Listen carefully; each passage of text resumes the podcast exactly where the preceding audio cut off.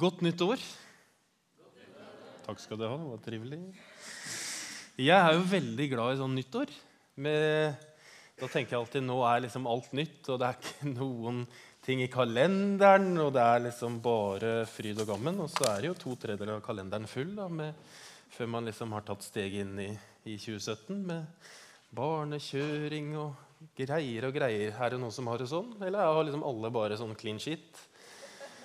Nei, ikke sant. Så det er bra.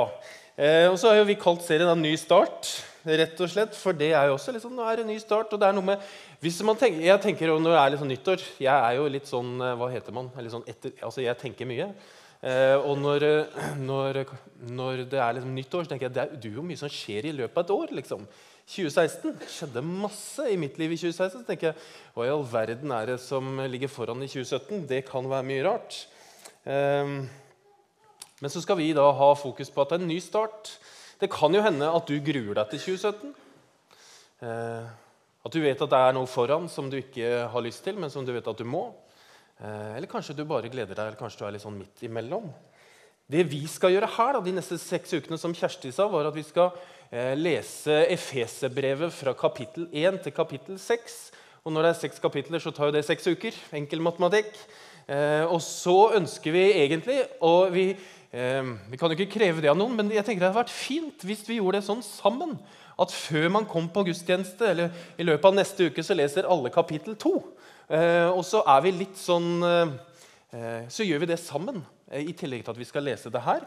Og så skal jeg gå igjennom det i dag. Og så skal vi være litt sånn forskjellige talere som, som bringer litt sånn ulikt lys inn i det.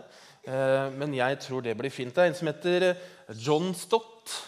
Eh, ikke Scott, men Stott. Og han, han, var prest i den anglikanske kirke. Han var faktisk eh, presten til dronning Elisabeth den andre i 32 år. Eh, og så skrev han noe som heter Lausanne. Altså Det skrives jo Lausanne-traktaten. jeg vet jo, Det sies jo ikke sånn, vi kan prøve Lausanne-traktaten eller sånt, men som ble skrevet i 1974. Den skrev han. Eh, og i 2005, tror jeg, jo, i 2005 så ble han av Time Magazine kåra til en av verdens mest innflytelsesrike personer. Han var liksom på 100-poengslista, og så var han prest, og så skrev han dette om Efeserbrevet. Hvis vi bare får kontrollen til å virke, så skrev han dette. Han skrev at eh, Efeserbrevet er menighetens evangelium. Her beskrives Guds hensikt å skape et nytt samfunn gjennom Jesus Kristus. Det karakteriseres av liv i stedet for død av enhet og forsoning i stedet for splid og fremmedgjøring, av rettferdighetens sunne prinsipp i stedet for hat og strid, og av en konstant kamp mot ondskapen i stedet for et holdningsløst kompromiss med den. Det syns jeg er veldig bra sagt. Så kan det hende at eh, eh hvis du bare har vært der på møter i advent, så er det liksom tjo og hei og hipp og hopp. og det er på en måte den, eh, ganske sånne enkle ting. Nå skal vi faktisk gå litt sånn dypt ned i materien, og det tenker jeg er fint eh, for noen av oss. Eh, men jeg vil be en bønn før vi begynner. Herre, takk for at du er her. Eh, nå ber jeg, Jesus, om at du skal komme eh, og sende din Hellige Ånd, sånn at vi kan lytte til hva du vil si til oss.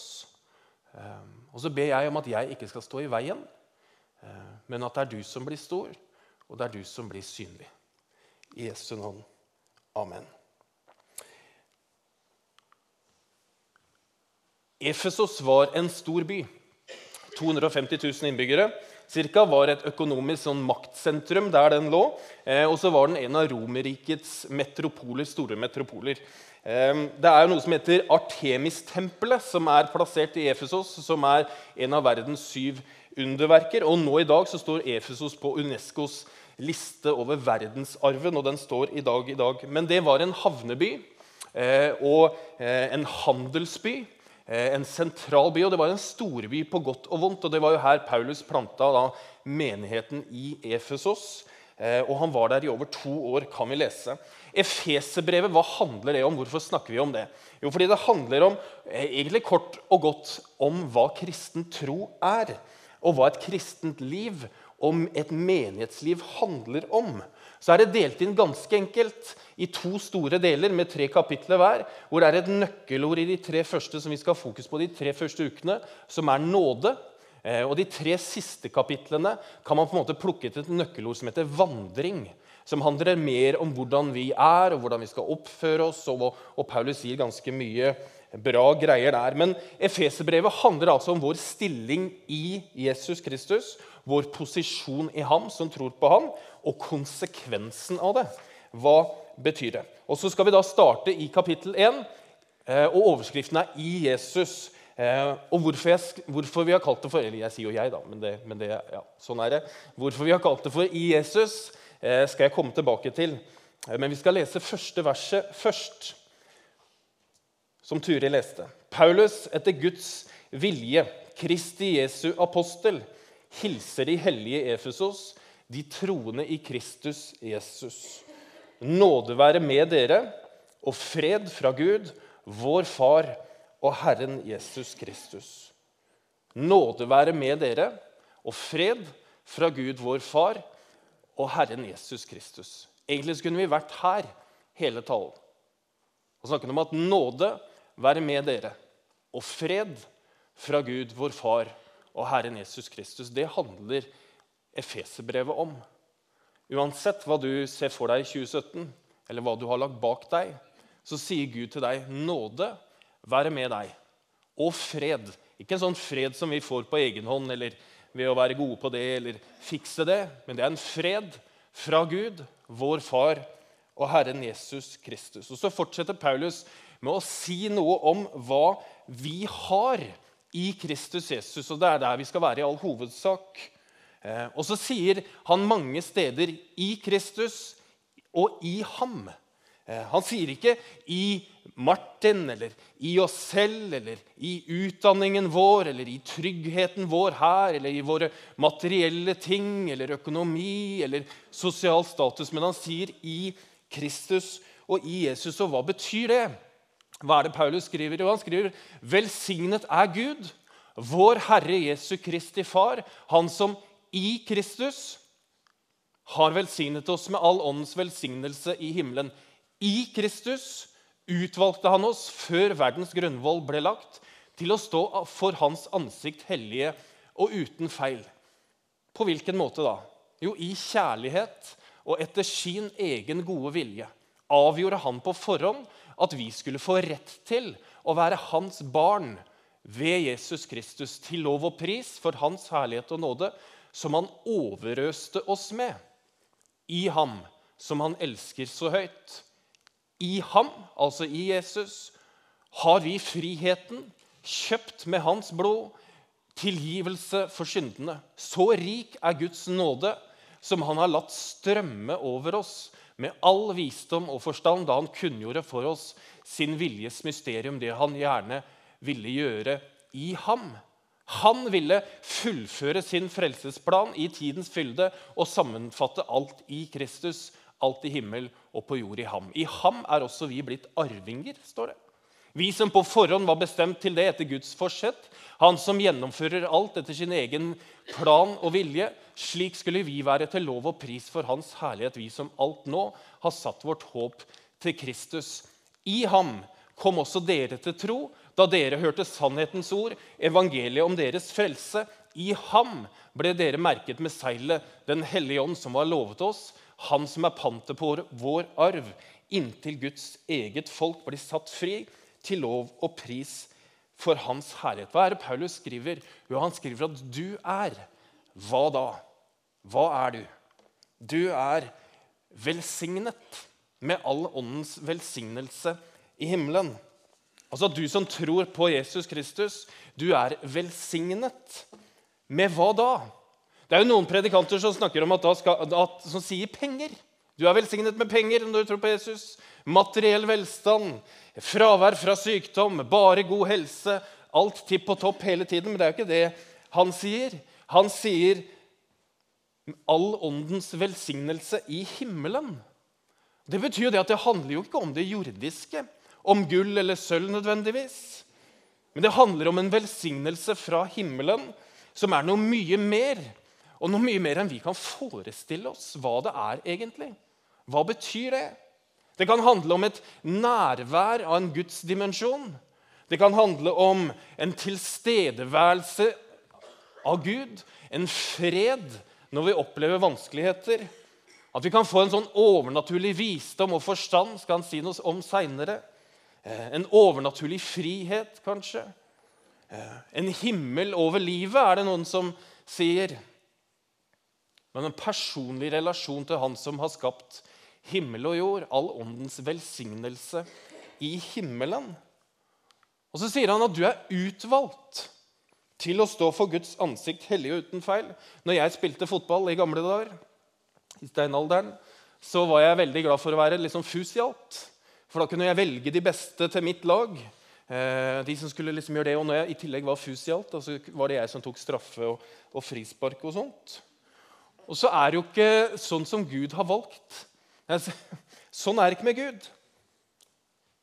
Jesus sier i Johannes 15 at dere har ikke utvalgt meg, men det er jeg som har utvalgt dere. Det betyr at det er ikke jeg som først og fremst har valgt Gud. Altså, Det hviler ikke først og fremst på meg, men det hviler på Han, for det er Han som har valgt meg. Og han har valgt deg. Så står det at du har, du har gitt en rett til å være Guds barn. Altså, Du har fått en rett til å være Guds barn gjennom troen på Jesus Kristus. Jesus sier jo mye om det å være Guds barn. Og Det skal vi også si mye om de neste seks ukene. Eh, men én ting han sier i bergprekenen, syns jeg er ålreit. Ja, det er mer enn ålreit. Ålreit er kanskje ikke et sånn rett begrep, men eh, jeg syns det er fint. da.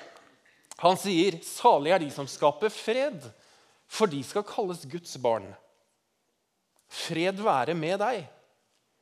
Og Det er jo et budskap vi alle kan bringe, fred, nei, bringe videre. Eh, for hvordan skapes fred? Jo, den skapes jo gjennom å bringe fred. Og Da kan jo vi være sånne fredsbærere som sier 'fred være med deg'. Og salig er de som skaper fred, for de skal kalles Guds barn. Så sier han at du er overøst med Hans nåde. Og igjen, Dette er ikke en nåde som du klarer selv, som ikke jeg klarer selv, som ingen av oss klarer selv. Eh, men det er Gud som overøser oss med den. Og så eh, er det et ganske interessant Hva vil det si, da? Å overøse? Eh, kan det være som et teppe liksom, som kommer over oss? Som et regnskyll eller som en varm dyne som bare omfavner oss, som overøser oss med Hans nåde? Så sier han at du er kjøpt fri gjennom Jesu død på korset. Nåden den er jo gratis for deg, men den er jo ikke det for Gud. For, han kosta det jo hans sønn. Det mest verdifulle for han. Døden på korset, at Jesus døde på korset og sto opp tredje dag, en soning for våre synder og feil. At Jesus kjempet i dødsriket mot det onde og onde makter og demoner. Eh, det er gratis for oss. Paulus skriver til Timoteus at han ga seg selv som løsepenge for alle. Han ga seg selv for at du skulle bli kjøpt fri. Jeg tenker, Er det noe som eh, gir meg en sånn eh, lovsang eller sånn hyllest til Jesus, så er det det at han har kjøpt meg fri. Og det handler ikke om meg, men det handler bare om han og hva han har gjort for meg. Så skriver Paulus at vi er arvinger til Guds rike. Og at den arven er merket med et seil, Den hellige ånd. For hvis vi er barn, så er vi stort sett alltid Hvis vi ikke blir liksom avskåret fra arven, så er vi arvinger. Eh, og Paulus skriver i Romerbrevet 8 at men, vi, men er vi barn, er vi også arvinger. Vi er Guds arvinger og Kristi medarvinger. Og denne arven er merket med et seil, Den hellige ånd. Og hva gir Den hellige ånd? Han skriver også dette i kapittel 1. Den gir visdom og åpenbaring, slik at vi lærer Gud å kjenne. En annen visdom og åpenbaring, slik at vi lærer Gud å kjenne. Og så gir den lys til hjertets øyne, sånn at vi får innsikt i det håp som Han har kalt oss til. Sånn at vi får se hvor rike og herlig Hans arv er for oss. Og så får vi se hvor overveldende hans kraft er hos oss som tror. Så får vi se hvor overveldende hans kraft er hos oss som tror. Og hva er denne kraften? Han skriver med denne veldige kraft og styrke reiste han opp eh, Kristus fra de døde og satte ham ved sin høyre hånd i himmelen. Over alle makter og åndskrefter, over alt velde og herredømme og over alle navn som nevnes kan, ikke bare i denne tid, men også i den kommende. Alt la han under hans føtter, og ham, hodet over alle ting, ga han til kirken, som er Kristi kropp, fylt av ham som fyller alt i alle. Du trenger ikke å være redd for makter og myndigheter og åndskrefter og åndsmakter, fordi alt er lagt under Guds føtter. Så er du kjøpt fri til en ny start med ny nåde og ny kraft ved Den hellige ånd. Og så sitter du her i Skien misjonskirke på en dag som denne. Eh, og vi er jo en del av denne verdensvide kirke som Paulus skriver om. Eh, som han er hodet for, og som han har gitt alt til. Fordi alt la hans under hans føtter. Og kirken er jo ikke bygget, dere. Det er jo ikke liksom bygningen, men det er jo menneskene. Det er jo vi som tror på Jesus, som er eh, kirken. Men når vi kaller dette for en ny start, så er dette en ny start på 2017. Men disse søndagene her kan også være en ny start for deg i livet med Jesus Kristus. Og det kan jo hende eh, at du går inn i dette året og tenker Hva nå, Jesus? Hva med oss? Hva med meg og deg, liksom? Men så kan det hende at du har vært lenge borte. At dette var noe som du var gira på før, men nå er det liksom ikke så viktig lenger. Eller det er ikke ja, Kanskje vi har snudd oss bort litt. Og så kan det jo hende at du eh, aldri har eh, opplevd denne nåden som overøses over deg. Og så er egentlig disse seks ukene en invitasjon til en ny start. Hvor vi inviterer hverandre til eh, å få en ny start med Jesus. Og eh, ta imot Hans nåde på en ny måte. Fordi vi er velsignet med all åndens velsignelse i himmelen når vi tror på Jesus. Vi er utvalgt. Det er han som har valgt oss. Eh, vi har gitt en rett til å være hans barn. Og vi er overøst med hans nåde, kjøpt fri og arving til Guds rike. Og Det er jo så store ord, dere, at vi vet jo nesten ikke hva vi skal gjøre med det. Men det er jo det det står. Og så kan vi velge å tro at det er sant. At det er sant for mitt liv. Det er sant for min tro på Jesus. At det er dette jeg har. Dette er det. Eller så kan vi velge å si nei, det er sikkert ikke for meg. Men dette står det, og vi tror at dette er sant. At du er velsignet med all åndens velsignelse i himmelen. Vi tror at du er utvalgt til å stå for Guds ansikt hellige og uten feil. At du er gitt en rett til å være Guds barn gjennom troen på Jesus Kristus. At du blir overøst med Hans nåde. At du er kjøpt fri, og at du er arving. Det tror vi helt og fullt på. Og så tror vi også det, at Den hellige ånd er her, i dette rommet og i våre liv, at vi kan invitere Han inn. Og jeg tenkte at når vi nå skal slutte denne talen, så skal vi reise oss opp, eh, og så skal vi be en bønn sammen. Og da reiser vi oss opp, og så ber vi en bønn sammen. Takk for responsen. Og, mens, eh, og da skal vi eh, Jeg tenkte at du, du, må gjerne være med og be når jeg ber. Og du kan være stille. Det er helt opp til deg. Men jeg har lyst til at vi på en måte skal bare invitere Jesus inn i våre liv. Om vi har gjort det tusen ganger før, eller om vi har gjort det fem ganger eller aldri har gjort det. Men invitere han inn og tro på at disse sannhetene gjelder vårt liv. Skal vi gjøre det? Så ber jeg, og så kan dere gjenta det som vi gjør når vi er på barneleir. Da ber vi en bønn, og så gjentar man etter seg. Ja. Far i himmelen, takk for at du sendte Jesus til jorden. For å kjøpe meg fri. Takk for din overstrømmende nåde. som jeg vil ta imot og leve i.